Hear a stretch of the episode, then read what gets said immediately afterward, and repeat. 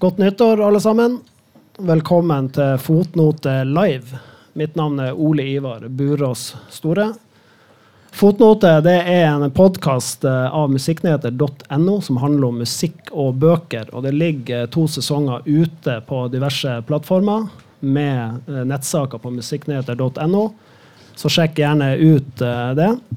I dag skal vi kicke off sesong tre av Fotnote.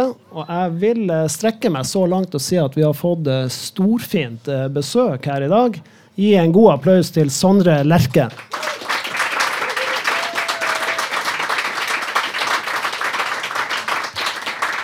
Godt nyttår til, til, deg også. Takk i like måte. Det ligger jo an til et spennende år for deg med ny plate, nye konserter. Er det godt å være tilbake i manesjen? Ja. Det, har, nå har jeg hatt uh, ligget lavt uh, i et par, to år. Og laget ting. Så det, da, da, begynner det å krible litt når det, det begynner å nærme seg den, den, tiden du skal ut i, ut i verden igjen. Og ikke nok med det, du bokdebuterer også i 2020. Eh, For to dager siden slapp du essaysamlinga 'Alle sanger handler om deg' på Flamme forlag. Veldig fin tittel, 'Alle sanger handler om deg', men hva handler boka om? Kan du gi en kort innføring til publikum og lytterne der ute? Ja, altså, den handler om uh, å finne seg uh, selv i musikken. Så det er egentlig en bok om, uh, om en, det som jeg opplever er en ganske universell opplevelse. At den musikken vi elsker. Og, og, og, musikkens subjektive kraft gjør jo at vi alle elsker forskjellig musikk. Den handler jo egentlig i stor grad om at man leter etter seg sjøl uh, og finner det i musikken. Man finner forståelse, empati, opprør. Um, og så klart sangene som uttrykker det man selv ikke makter å sette ord på.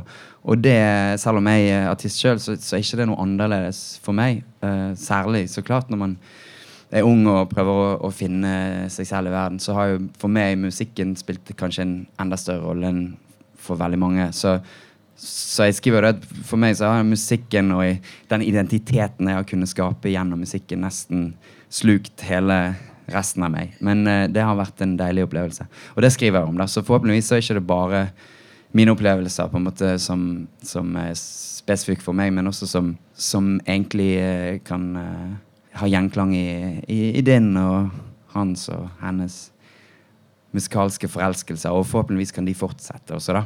At ikke det er en holdbarhetsdato på musikalsk glede og entusiasme. Eh, for det fins fremdeles eh, håp der ute. Jeg syns det er veldig fint det du sier om å finne deg sjøl i andres musikk.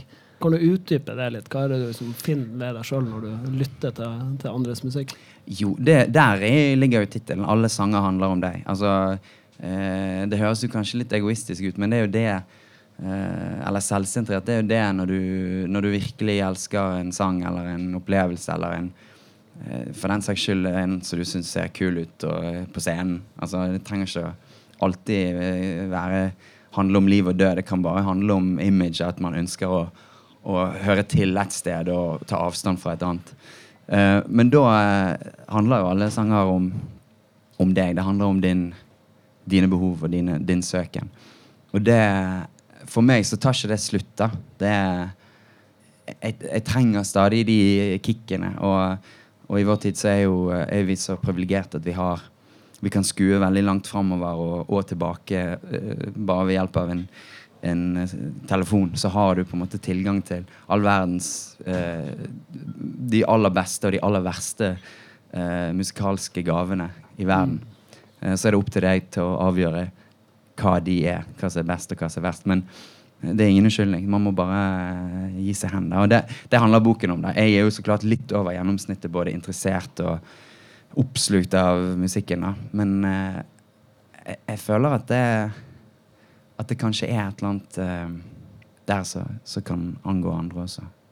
Men når oppdaga du at du kunne skrive sånn om musikk som du gjør? En ting er jo å komponere musikk, men det å komponere tekster om musikk på en måte du gjør jeg, jeg, liker jo å uttrykke meg, jeg liker å lage, lage ting, så jeg føler, jeg, jeg føler, egentlig at jeg kan, jeg kan, skrive om alt jeg er interessert i.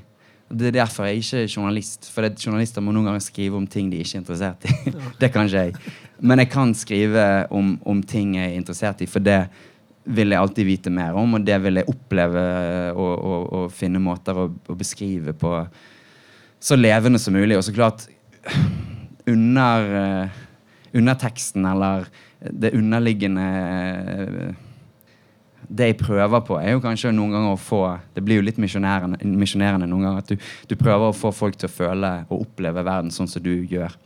Men også noe av det jeg har opplevd og funnet ut av mens jeg har skrevet boken, er jo så klart at det, det hjelper ikke. Det blir jo ofte litt uh, slitsomt med folk som skal beskrive hvor bra noe er. Når det er noe du selv ikke opplever. på en måte. Du, du har, uh, har, andre opplevelser.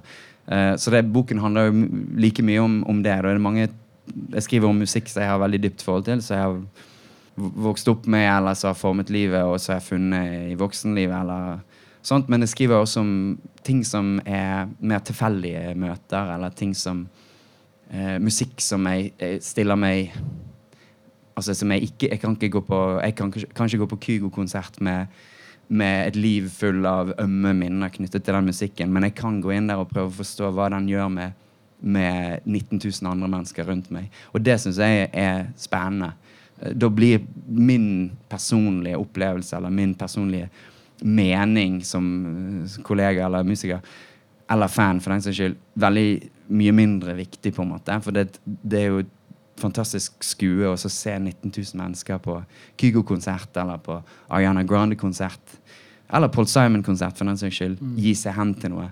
Eh, du kunne nesten bare skrevet om det uten å på en måte blande inn egentlig din egen subjektive opplevelse. Så, så jeg, for meg har det vært litt sånn oppvåkning, det også å, å, å, gå fra det å skrive om ting som er dypt personlige, som a-ha eller Burt Backrack eller Milton Nascimento, og, og også gå inn i, i, i musikken som, som du kanskje ikke helt forstår, men som er desto uh, ikke, Som er besnærende på en annen måte. da.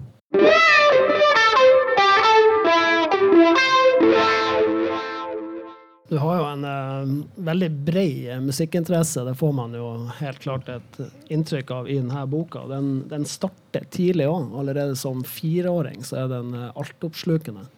På hvilken måte ble en det så tidlig?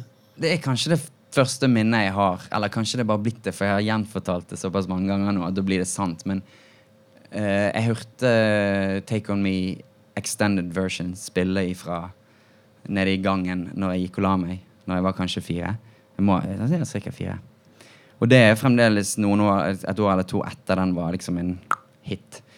Um, og det var en type sånn beruselse som jeg, jeg, eh, jeg, bare elsket. Og, og og siden det så tror jeg Eller jeg har bestemt meg for at det er på en måte det, Jeg ville ha den beruselsen mer i livet mitt. Jeg ville være på innsiden, jeg ville høre det, men jeg ville også se hvordan kan jeg lage musikk sjøl eh, som, som, på en måte gir meg en, en følelse som, som, minner meg om, om, om den Jeg syns det, det, det var helt amazing. Du var ikke innom en uh, periode med barnesanger og rim og regler sånn før a-ha, eller gikk du rett inn i a-ha? Altså, Juba Juba gikk en del med ja, Knutsen og Ludvigsen. Den, den, var fin. Men ja, ellers så syns jeg, jeg synes det var kulere med folk som oppførte seg som popartister og sang som popartister og de, liksom hadde litt den der desperasjonen og dramatikken så mange popartister, kanskje særlig på 80-tallet, hadde liksom at Jeg syns det var mye kulere enn sånn sånn lekne klovner som var på barne-TV. Det, det, hadde jeg lite bruk for. Og det er jo det som eh, gjorde at allerede da når jeg begynte å følge omsider a-ha i, i real time, og på en måte ble liksom Hjernen hadde utviklet seg nok til at jeg liksom kunne gå på platebutikken sjøl og kjøpe platen når den kom ut. Det skjedde da eh, innen de selv på en måte ble voksne og skulle riste av seg pophysteriet og egentlig ta avstand fra Take On Me. da Og da var jeg egentlig ganske klar for det sjøl som åtte-niåring. For det var liksom ferdig med alle de barnslige poptingene. Nå skal vi bli voksne og få skjegg og flanell. Og, og da ga de ut East of the Sun, West of the Moon og, og Memorial Beach i 93. Da, som, som, som er de to store platene uh, fra mine sånn meget formative år da, der jeg var egentlig eh, Jeg har kanskje aldri vært voksnere enn jeg var da.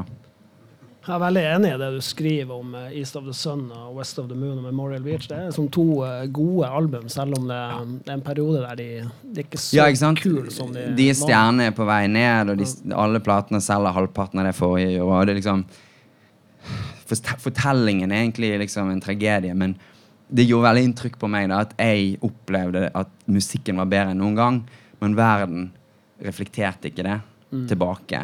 Og det tror jeg formet min sånn, tanke om at ok, men popularitet trenger ikke alltid å være synonymt med kvalitet. At det er et band kan være på sitt beste og likevel være mindre verdsatt enn noen gang. Og det, ok, det, er sånn, det er verden vi lever i. Det er noe som heter kunstnerisk frihet. Og det øh, fikk jeg gjennom de to platene. Og, liksom, og det å så- også føle at du er nesten sånn herre eh, predikant på vegne av et band som ingen så klart altså, Så jeg på min alder, da, i, i 91, 92, 93 Folk likte Michael Jackson, Guns N' Roses og Metallica. A-ha var det minst populære bandet noen visste om som en gutt kunne like. Eh, så jeg opplevde eh, at det gjorde meg sterkere i troen da, og, og enda mer hjernevasket. Men du skriver jo at uh, Memorial Beach uh, påvirka kunstnersinnet ditt. Altså, hvorfor appellerte det albumet så mye til det? Altså, Noe av det er nok rent bare det at jeg eh, er ganske lojal. Så når jeg da fant a-ha, så ok, da er det oss. Og jeg ble helt eh, hektet på en måte på mytologien. da, Så veldig mye Da handler jo ikke om musikken. Det handler jo nesten om a-ha som tegneseriefigurer. Og, og, og, og Morten Harket som mytisk eh, skapning, liksom. Og så blir det en måte å på en måte snik... Altså, gjennom det så blir du på en måte snik eh, til musikken. da. Eh, som også da viser seg å holde, jeg, holde vann eller være interessant. Men, men det handler jo også om, om en veldig lojalitet til deres fortelling. Så når de sier at nå, nå er vi ferdig med dette, nå skal det være live-trommer og live-gitar og ferdig med trommemaskin altså, ikke sant? Så ja, ja, ja, takk for at dere sa det. Altså? Det handler jo om en veldig lojalitet til, eh, til deres behov. da. Så det er jo helt på grensen til det, det, det på en måte forsvarlige. Men, men eh, det er jo, sånn er det jo med helter og på en måte Altså De eh, Jeg ser jo på de, A-ha i 1993 er jo en, Det er jo nesten ikke for meg mennesker. Det er jo på en måte liksom Det er jo He-Man og Altså det det er for andre, da. Mens a-ha i 2005 eller 2015 Det er jo mennesker. Det er jo folk som blir eldre og, og, og liksom uh, gjør, altså det, det er veldig forskjeller på det barneperspektivet på, på de tingene. Da. Men det er jo det som gjør det, gjør det så sterkt også. At det er nesten altså, mitt, Min begeistring for Morten Hagen var nok sikkert på grensen til seksuelle en stund. Okay. Men han er jo jævlig nydelig. Ja, han er Særlig i 93. er 93. Sexy mann. Ja, ja, han er, ja.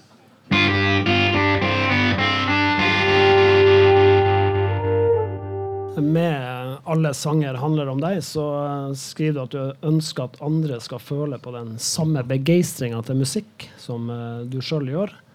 Det syns jeg du har klart. Takk. Helt uh, utmerket. Jeg gjenoppdaga a-ha og Kylie Minogue igjen etter jeg Ja. leste boka di. Og så oppdaga jeg altså Prefab Sprout. Den jeg har hørt om lenge, men egentlig ikke um, sjekka noe særlig ut. Men det her sier du er ditt favorittband hvis noen spør Noen dager. noen dager. Ja. Og det var en anmelder i Bergens Tidende som trigga nysgjerrigheten. ikke? Ja, jeg, når jeg slapp min andre EP i 2001, så var det en arrogant anmelder i BT som hadde nerven til å gi meg terningkast fem og si at det var tydelig at jeg hadde hørt mye på Prefab Sprout. Og jeg, jeg husker jeg ble så indignert. Hvem faen er du? Fortell meg hva jeg har hørt på. Jeg hadde aldri hørt på Prefab Sprout. Jeg hadde hørt navnet nevnt, jeg hadde sett det coveret på Steve McQueen-platen, men hadde, det var ikke en, en del av mitt rep repertoar. Og på den tiden var jeg veldig sånn Du er 18, og ingen skal fortelle meg eh, Whoever you say I'm, I'm not, liksom. Men jeg ble jo litt nysgjerrig, så jeg gikk og, og kjøpte en, en Best of Prefab Sprout. Og, Og da ble jeg veldig smigret, for jeg syntes det var jævlig fint. så Han hadde litt rett, eh, han eh, anmelderen. Ja, jeg skjønner det fremdeles ikke, da. For det, jeg føler at eh, Men det er jo et eller annet der, og man har ikke alltid det beste sånn, perspektivet på, på seg sjøl. Altså. Jeg kan jo føle at den er veldig inspirert av det og det, så hører, hører folk det og hører ikke det, eller de hører ikke det. Det høres bare ut som ja, det høres bare ut som en vanlig låt. Så, det, så det, jeg har etter hvert akseptert at det er ikke sånn som jeg kan styre over. Men jeg er veldig takknemlig for det, for jeg, jeg, jeg fikk jo en av de store opplevelsene. Og kanskje liksom akkurat når jeg trengte det, når jeg sto midt i og, og, og, og skulle på en måte utad være artist sjøl. Være artisten som jeg selv hadde kanskje trodd jeg var eh, i alle de årene jeg prøvde og prøvde og prøvde å, å skrive låter og, og og, få ting til å henge sammen på en måte som føltes bra i, i kroppen. Så hørte jeg Prevap Abstract, og der føltes det liksom alt, alt, var mulig, og det kunne likevel være popmusikk. da. Og det var jo popmusikk jeg var hovedsakelig interessert i, men det, det utvidet liksom begrepet for ja, popmusikk. Det kan være alt, liksom. Du kan se framover i tid, du kan se bakover, du kan være gammeldags, du kan være nye, du kan være teit, og du kan være jævlig seriøs. Liksom. Alt, I prefab så føler jeg alt er, det, De sangene er jo ofte superteite, og så er de superclassy og brainy. Og alt sånt. Mm. Det syns jeg var veldig gøy, og det inspirerte meg veldig da når jeg, jeg lagde en plate uh, på den tiden som het Two Way Monologue, som, som også var min Der tok jeg, tok, ja, lærte jeg kanskje litt, litt mye fra Prefab Sprout. Det, det, sangene gikk i alle retninger og kom aldri helt tilbake til til hooket. Men du, du skriver at det å lytte til bandet hjalp deg å senke presset for å følge opp debuten. Det er det du tenker på da? Ja, egentlig. For det føltes liksom Ja, men det, dette treng, Du trenger liksom Jeg følte første platen jeg lagde, var veldig var, var veldig fargerik og omfattende, på en måte, men det var også veldig sånn, ryddige låter. Og, og, den andre platen, da, inspirert av Prefab det var, ville jeg lage uryddige låter. Ja. Ja. Men jeg, jeg, vet ikke om folk merket den store forskjellen. Men for meg var, føltes det veldig, veldig annerledes. Så er Kylie Minogue den uh, første kvinnelige artisten vi stifter bekjentskap med i boka. Så dukker det opp uh, flere etter hvert. Julia Holter, Fiona Apple, Lana Del Rey, Ariana Grande og Beyoncé, for å nevne noen. Mm. Og jeg syns uh, spesielt de kapitlene om Julia Holter og Beyoncé er veldig god lesing. Takk, ja. Når du skriver ja. Vil du si? Nei, jeg skulle, eh, når jeg tenker på den Julie Holter-avdelingen, uh, så det er jo Oslo-teksten. Så når vi først er ja, her på Hasle og i Oslo Julie Holter er jo Oslo. Den, den uh, Det er en kjærlighet En litt sånn motvillig kjærlighet, uh, takk, iallfall. Eller kjærlighetserklæring til Oslo. Ja, Vi snakker her om albumet Loud City Song. Mm -hmm. kan, kan, kan, ikke du ta oss med litt på den, der, den dagen du har når du hører det jo, albumet? Det er Jeg hadde fått uh, en sånn uh, forhåndslink. Den platen var ikke kommet ut ennå, men jeg har fått en sånn link til å kunne høre på platen til, til en artist jeg egentlig ikke kjente, som het Julia Holter. Som dette tror jeg var hans andre plate, da, Loud City Songs. Og jeg skulle egentlig skrive om han uh, til en, en sånn amerikansk webside. Og så hadde jeg hørt singelen, som bare hadde satt et voldsomt støkk i meg. Så jeg gikk egentlig rundt da på Vår Frelsers gravlund og hørte på eh. Litt eh, bakfull? Eh, ja, ganske, ganske, bakfull. Jeg hadde plutselig be, uh, begynt å, å, drikke whisky. Jeg hadde aldri Jeg hadde aldri drevet med det før. Jeg hadde begynt å bestille whisky meget sent på kvelden. når det egentlig var på tide å gå hjem. Og, og var, inne, var, i en, en, en, litt sånn fase, fase av livet der noen ting falt, begynte å falle fra hverandre. Og, og man lette etter noe som kunne måte falle sammen. Og så hørte jeg da 'World', som er åpningslåten på den platen. Og det, det, det var liksom den lindringen. Det var, det var, det var en, det var en Og det minte meg om masse jeg aldri hadde hørt, og ting jeg hadde hørt. Det var, det var en sånn mytisk opplevelse. da, Og så satt jeg den låten på repeat eh, og gikk noen timer rundt i en sånn skarpt sollys i august i 2000. 13 må det ha vært der. Ja, 13. Og, og så kom jeg etter hvert inn i resten av platen òg, men det, er den låten som på en måte for meg Jeg kunne skrevet egentlig om, bare om den. Eh, platen er, er kjempefin, eh, men den låten syns jeg er på en måte helt eksepsjonell. Og det, det er ikke nødvendigvis Det er absolutt ikke den mest kjente låten til Julia Holter, men det, det er et eller annet med den som, som da, i det øyeblikket, eh, så handlet den om meg, på en måte. Ja. Så eh, kjærligheten til Oslo ble litt større via Ja, den låta? jeg hadde liksom aldri vurdert Oslo som et sted du kunne bo, eller liksom du kommer fra Bergen, og, og da skal du liksom Ja, ja, du skal enten bli Bergen for alltid, og hvis du skal flytte, så skal du liksom flytte til noe sånn stort noe, som, sånn at liksom det er åpenbart at Oslo var aldri et alternativ. Eh, da hadde jeg en sommer i Jeg hadde en sommer i, i Bergen, nei, i Oslo, som var første Første gang jeg tilbrakte en hel sommer i, i Oslo. Det måtte en del whisky til for at jeg skulle kjenne Oslo-vibben, men det Ja. funket etter hvert. Og så flytter du da til New York i 2005, og du er vel der i er det 13 vintre du du Ja. nevner. Det, det, er litt, eh, det er veldig morsomt. eh, Fordi i ei tacokø under en Nils Fram-konsert, så begynner du å tenke at eh, nei, jeg flytter til LA. Ja, shit. Altså, og det jeg, jeg, eh, jeg har, det, han, Nils Fram er den eneste jeg har litt dårlig samvittighet for med hensyn til denne boken. Fordi at han er den eneste jeg liksom er litt krass med.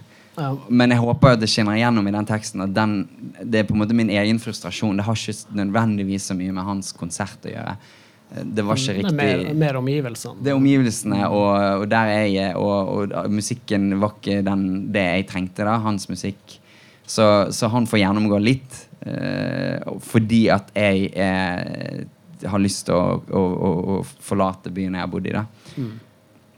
Og så skjønte, skjønte jeg da jeg leste en, en veldig fin eh, tekst om boken i, dag, i Dagens Næringsliv av Audun Winger, så, som hadde en veldig morsom passasje om nettopp det at det, det, jo, det høres jo høres ut som liksom, et veldig luksusproblem. Der, liksom, jeg er så lei av New York. Jeg tror jeg bare flytter til LA.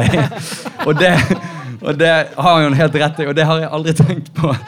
At jeg lever jo litt i min egen verden. Eh, og jeg er veldig privilegert som, som artist. Jeg har viet eh, livet mitt til musikk og, og, og i håp om så klart å ha et publikum som gjør at du kan komme deg videre til neste eh, etappe på en måte da, og holde det gående. Og har gjort det ganske kompromissløst i 20 år, så, så jeg skjønner at, at på en måte det å ja, jeg tror jeg bare gjør det. Jeg bare flytter til LA.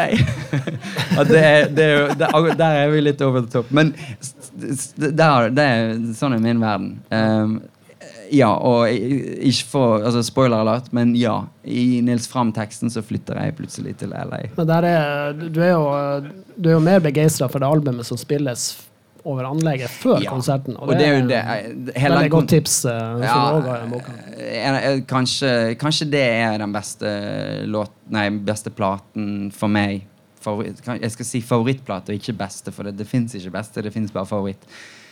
Men nå når vi har kåret de beste platene i, i dette, så langt i dette årtusen, så vil jeg slå et slag for The Caretakers and Empty Bliss Beyond This World, som er platen Nils Fram tør å da sette på før sin egen konsert. Ja. Og da står jeg der og tenker alle disse tankene om at faen, jeg må komme vekk fra dette stedet midt på vinteren. Og alt sånn. Og, og så hører jeg favorittplaten min og tenker Oi. Ja, altså det er jo den perfekte soundtracket til hva som helst. Og så kommer da Så klart hva som helst etter det er jo en skuffelse. Og kanskje det var grunnen til at jeg fikk lyst til å flytte til Eller jo heller høre på den platen der i, i nye, lune omgivelser. Det, det er et album som bare er tilgjengelig på Bandcamp. Ikke? Bandcamp og eventuelt tror jeg du kan finne den brukt på vinyl for over 1000 kroner. Ja. Jeg har, har, ikke, jeg har ikke den på vinyl fordi det, det, er, det er litt mye. Men har, Bandcamp er jo en fantastisk For de som også, særlig de som liker En ting er uavhengig og alternativ musikk, men spesielt ambient musikk og, og sånn, så er, Bandcamp stedet. Altså. De, de, de, de har alt, alt det beste for eh, de som liker ambient. Det er litt sånn underlig album der òg. Det er sånn, sånn Ja. knitring gjennom hele. Akkurat som en lodotte fast på stiften eller noe sånt. Ja, det er det. Og du, og du hører hele tiden liksom, Eller ikke hele tiden, men innimellom så hører du fragmenter fra låter som du kjenner, eller to, tror du kjenner, Ja. eller kanskje du har bare hørt det før. Så den spiller jo veldig på en måte med, på minnet, på en måte, og, og minnet spiller deg et puss, på en måte. Eh, og han har jo senere også laget et helt verk nå som egentlig handler om uh, hva som skjer med med, med minnet og mennesket når, eh, når man får demens og Alzheimer. Og, og hver plate i det Jeg tror det heter Every, 'Everything at the End of the World'. Det er en, en sånn albumsyklus der som har kommet ut en i halvåret de siste årene. Jeg tror ikke den er helt ferdig, men det ender jo uh, på en måte med, med på en måte enden, på en måte, enden av minnet. Uh, og, og hvordan det føles at det kollapser, og, og hvordan, hvordan det oppleves. Det er jo eh, et, et veldig Etter hvert, jo, så klart, jo, jo, jo, verre man Jo tyngre man er inni, inni den sykdommen, så, så hø- er jo lyden av det også. Heftig. da, Men det, det, er også et verk jeg absolutt anbefaler. Som, det, han, han er visst en eller annen fyr som bor i Bristol i England. eh, som også kaller seg Leland Kirby og gir ut plater som det, men det er heller ikke navnet hans. Nei. Han er en mytisk skapning. Han Det var nesten verdt å lese hele boka bare for tipset der. ja, takk. Så, eh, Faen, hvis det er det eneste folk får ut av boken, så er det faen meg verdt det. Altså. Altså. Den, den platen er helt Jeg hører på den iallfall månedlig. Der du er litt eh, lunken, kan vi si, til Nils Fram, så er du jo desto mer begeistra når du ser Beyoncé på Coachella i eh, 2018. Eh, og det, er, det leser jeg som en helt spesiell eh, konsertopplevelse. Kan du si hva som gjorde den ekstraordinær, og hvordan gikk du fram for å beskrive den her eh, skriftlig, altså den opplevelsen du har? Det kan ikke vært en lett oppgave. Nei jeg, jeg, Når jeg sto der, så visste jeg at jeg skulle skrive om det. Så jeg, jeg, tok, tror jeg tok litt notat på telefonen. Fordi at uh, det, det, det er en konsert på en og en halv time der du Jeg tror det er 40 eller 50 låter man er innom. det Så det er en voldsom sånn mettet uh, produksjon. Og ingen visste, til, visste helt, helt hva man skulle forvente. Ikke sant? Hun hadde avlyst året før, for hun skulle ha, tvillinger. Og da var hun aktuell med, med det som jeg syns er, er liksom og Også en av de synes jeg, virkelig store platene de siste 20 årene, 'Lemonade'. Men ikke sant, når hun kommer tilbake til et år senere, så, så er liksom den epoken over også. Man lurte på hva, hva, hva vi skal se nå. Er det greatest hits? liksom? Og det er det jo. Men det var en, en, en virkelig helt eksepsjonell forestilling, fordi at eh, i både i, eh, i eh, i hvor massivt det var. Det var hun, altså, begynte med Jeg tror det var Det er jo ofte sånne tall som vokser på seg jo mer man sier det, men jeg, jeg mener at det var 150 eh, mennesker som sto i, i, en, i en pyramide. da Mange av dem med sånn eh, amerikansk eh, college mar marching band-instrumenter. Og nesten alle låtene da blir fremført de neste 90 minuttene i i en, en sånn marching band-versjon. Alt er omarrangert. eh, og sydd sammen på en ny måte. Overganger og alt. Altså, eh, summen av det, eh, både i, som popmusikk, at det var til tider helt fantastisk morsomt og gøy, men samtidig også den nye på en måte klangbunnen og symbolikken og, og, en, og, og så klart en, en, ganske radikal etter hvert, særlig for å være en, den største popstjernen i verden, politisk bevissthet som Beyoncé på en måte melder ut i, i løpet av den konserten, gjorde at jeg, jeg hadde aldri sett ett menneske samle alle disse trådene og utføre både i, i sang og musikk og fysisk og dans og visuelt og politisk og alt. Jeg hadde aldri sett ett menneske utstråle mer talent og mer kontroll og samtidig ha eh, den på en måte en løshet som jeg ikke hadde sett fra hun før. egentlig også, Som kombinerte plutselig eh, liksom den komplette artist på en måte som som eh, Ja, jeg, jeg brukte litt store ord der, men eh, det, det står jeg faen meg for. For det, det var det, det, det er en sånn opplevelse der du føler at du kan si hva du vil om Eller du kan like eller ikke like, men liksom Det du ser foran deg, er bare 100% talent i alle ledd.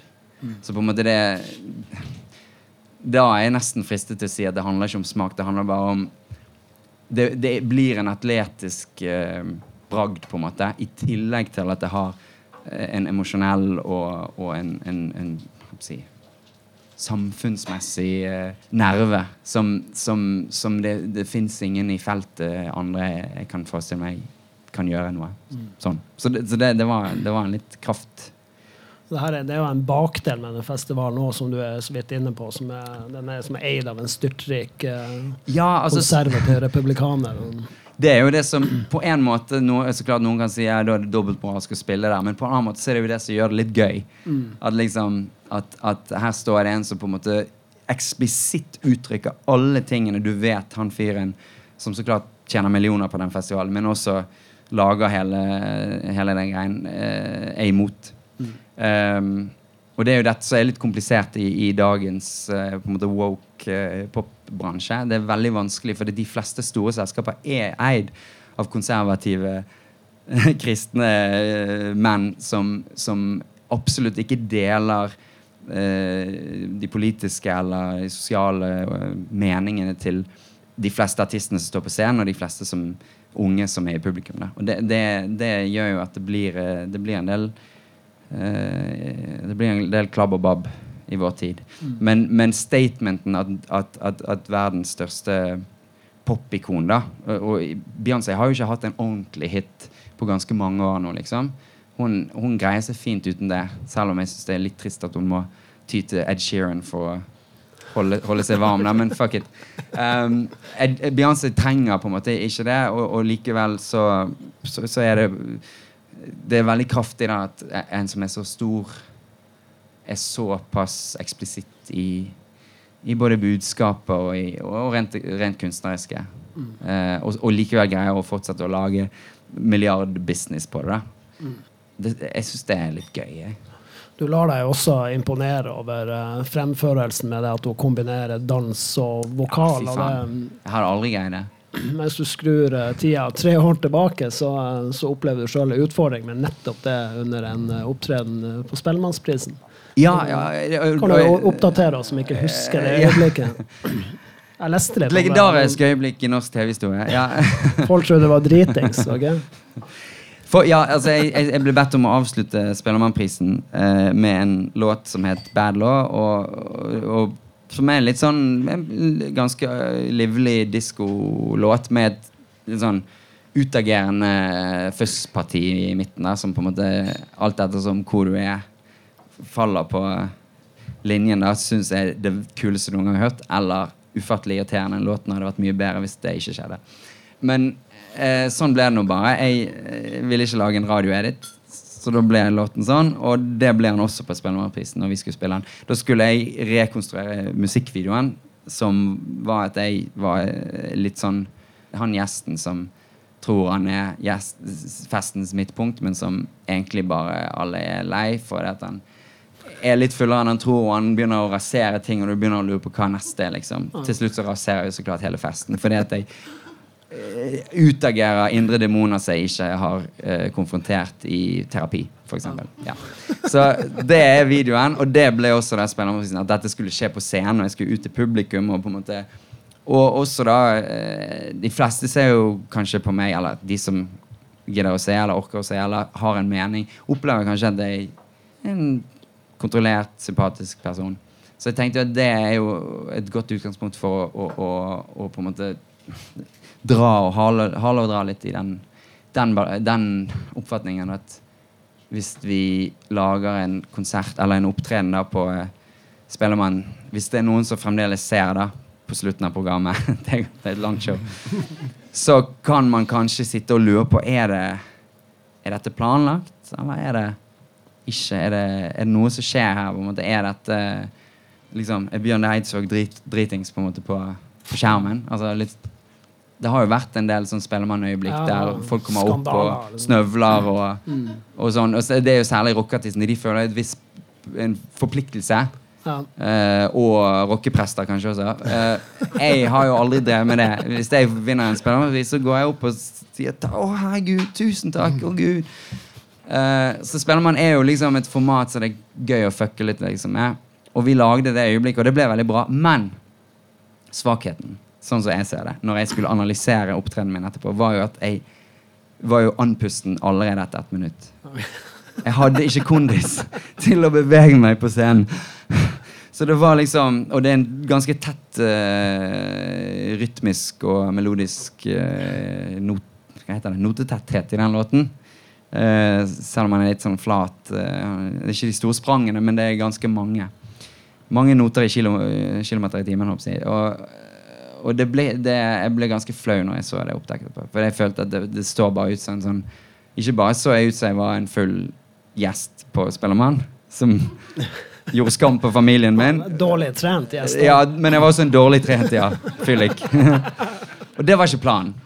Så det, med, det, det var Og da skjønte jeg eh, Eller da tenkte jeg eh, What would Beyoncé do? Eh, hva er det Mick Jagger gjør? Som løper liksom et maraton hver kveld eh, fra ene enden av scenen til den Han andre. 70, over 70. Og han er 70. Eh, hva er min excuse, liksom? Uh, det er jo at så klart Jeg har ikke så mye trening på de store arenaene. Uh, men, men eh, det fikk meg til å begynne å løpe. Så Ja. da begynte jeg å, å, å, løpe, for vi skulle gjøre en hel konsert med litt tils, med tilsvarende fysikk, fysisk eh, utfoldelse på, på scenen da på Øya. eh, åtte måneder senere. Så jeg hadde åtte måneder på å, å komme i form. Ja.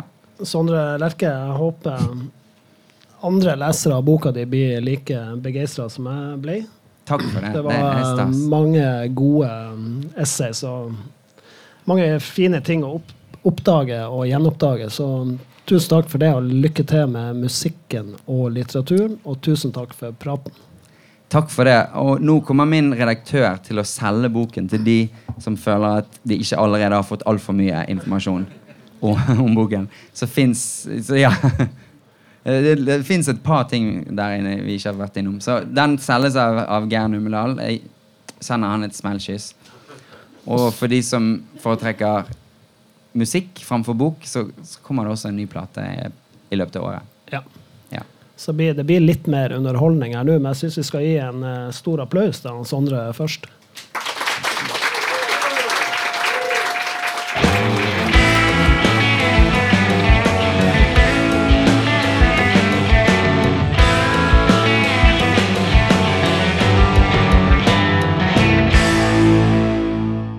Fotnote presenteres av musikknyheter.no og er laga av Ole Ivar Burås Store. Jingles av Jan Roger Trønnes. Intro og redigering av Raymond Jensen. Les mer om fotnoter, gjestene, bøkene og artistene på musikknyheter.no.